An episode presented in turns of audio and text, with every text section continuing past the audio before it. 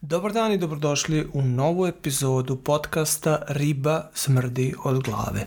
Danas pričamo o ovom podcastu i da li je on stvarno uspešan.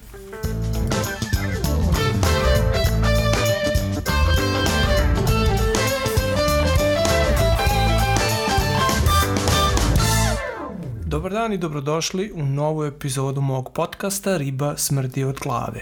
Od današnja epizoda se zove Da li je ovaj podcast uspešan? Moje ime je Darko Pavić i ja sam suvlasnik kompanije Fiscal Solutions. Fiscal Solutions je IT kompanija koja se bavi razvojem softvera, poslovnog softvera za velike trgovačke lance. Naši kupci su naravno ti veliki trgovački lanci, ali isto tako i proizvođači POS softvera, naime softvera koji se onda instalira kod tih velikih internacionalnih trgovačkih lanaca. Inače, ako želite da poslušate više informacija o tome šta mi to radimo i kako mi to radimo, naravno možete nas pratiti na svim mogućim socijalnim e, mrežama, ali ako želite posebno da vidite šta ja kao direktor, kao suvlasnik kompanije radim, potražite me na YouTube i bit ćete u mogućnosti da pogledate takozvani CEOs vlog. Naime, u epizodama koje izlaze barem jednom nedeljno, pokazujem šta se u principu događa u toku radne nedelje iza kulisa. Vrlo rado ste dobrodošli, potražite Darka Pavića na youtube i pogledajte nove epizode CO vloga. Sada ćemo krenuti sa temom koja je današnja, današnja tema, naime, da li je ovaj podcast uspešan? Na ovo pitanje baš i nije lako odgovoriti. Nije lako odgovoriti zato što je pitanje šta se, kako se meri taj uspeh i kada je nešto uspešno. Ali pre nego što vam dam moje mišljenje, odnosno čak i neke činjenice i brojeve, možda da dam par objašnjenja zašto je na ovo pitanje teško odgovoriti i zašto je merenje uspešnost vrlo recimo relativna stvar. Pa naime, e, naravno da je uspeh uvek da je merljiv samo u odnosu na ciljeve koje čovjek sebi postavio. Na kraju čovjek može da kaže bio sam uspešan ili nisam, u kontekstu da li sam ostvario željeni cilj ili nisam. Isto je sa ovim podcastom i ja sam na početku imao određeni cilj za ovaj podcast i sada se postavlja pitanje da li sam ga ispunio ili ne.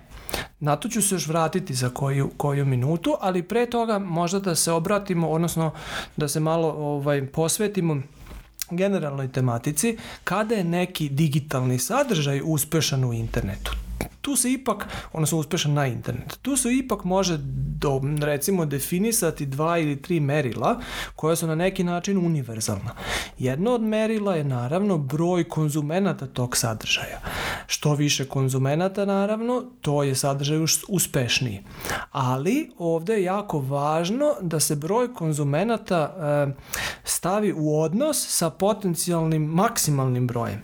Na primjer, ako vam je maksimalno tržište 100, nekih potencijalnih slušaoca, a vi sa svojim podcastom dosegnete 90, znači da imate 90% tako reći e, riča, odnosno do, do, doseganja do onoga ko vam je cilj, to je u svakom slučaju ono nešto što je vrlo uspešno.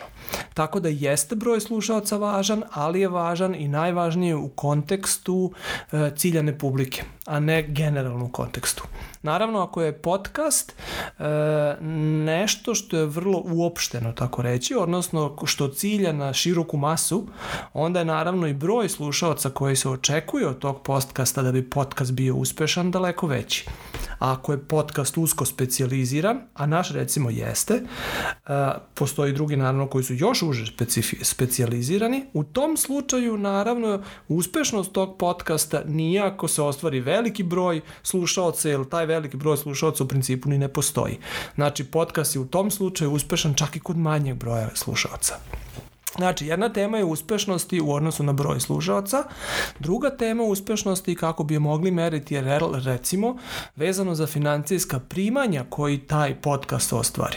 Na, na primjer, kroz ugovore sa sponzorima. Što više ugovora sa sponzorima, što više sponzora, to je veća zarada, naravno veće financijsko primanje, a kroz to se može reći onda i da je uspješnost podcasta veća.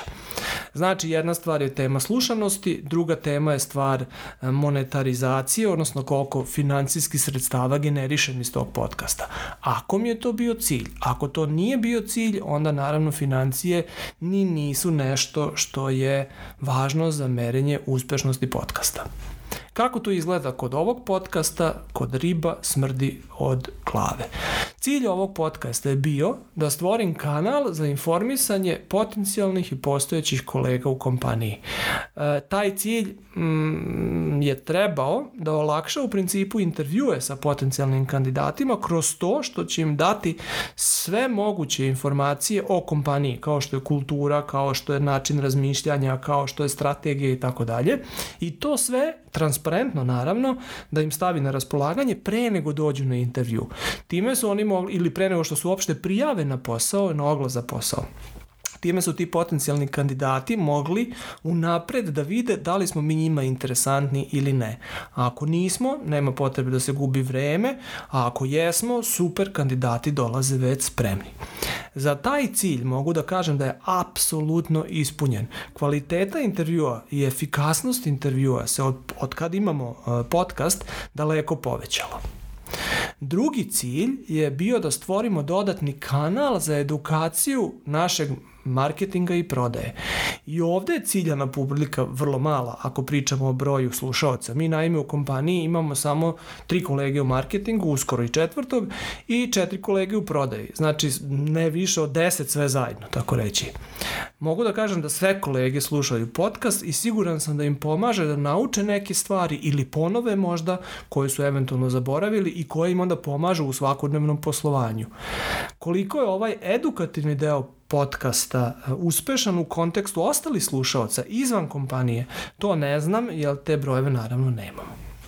Sad, s obzirom na oba dva cilja, naš glavni potencijalni slušaoci su, znači, naši radnici i potencijalni novi kandidati, nove potencijalne kolege koji se interesuju za kompaniju. Njih, naravno, ne može biti na hiljade, bilo bi lepo da ih jeste na hiljade, ali nije i naravno. I u momentu ove objave, e, odnosno objave ove epizode, mogu da kažem da imamo otprilike prosečno oko 70 slušaoca po epizodi. S obzirom na broj radnika koliko mi imamo, to je fantastična, fantastična brojka i po meni je to, naravno, samo po sebi kao apsolutna vrednost nije puno i ne može se meriti sa nekim podcastovima koji imaju više hiljada slušalca po epizodi, ali s obzirom na vrstu podcasta i na cilj podcasta, ovo je, mislim, perfektno. Tako da ja generalno gledam ovaj podcast kao, kao vrlo uspešan e, alat, marketinški alat za komunikaciju ka vlastitim kolegama i ka budućim potencijalnim kolegama. I naravno kao vrlo uspešan instrument za educiranje kolega.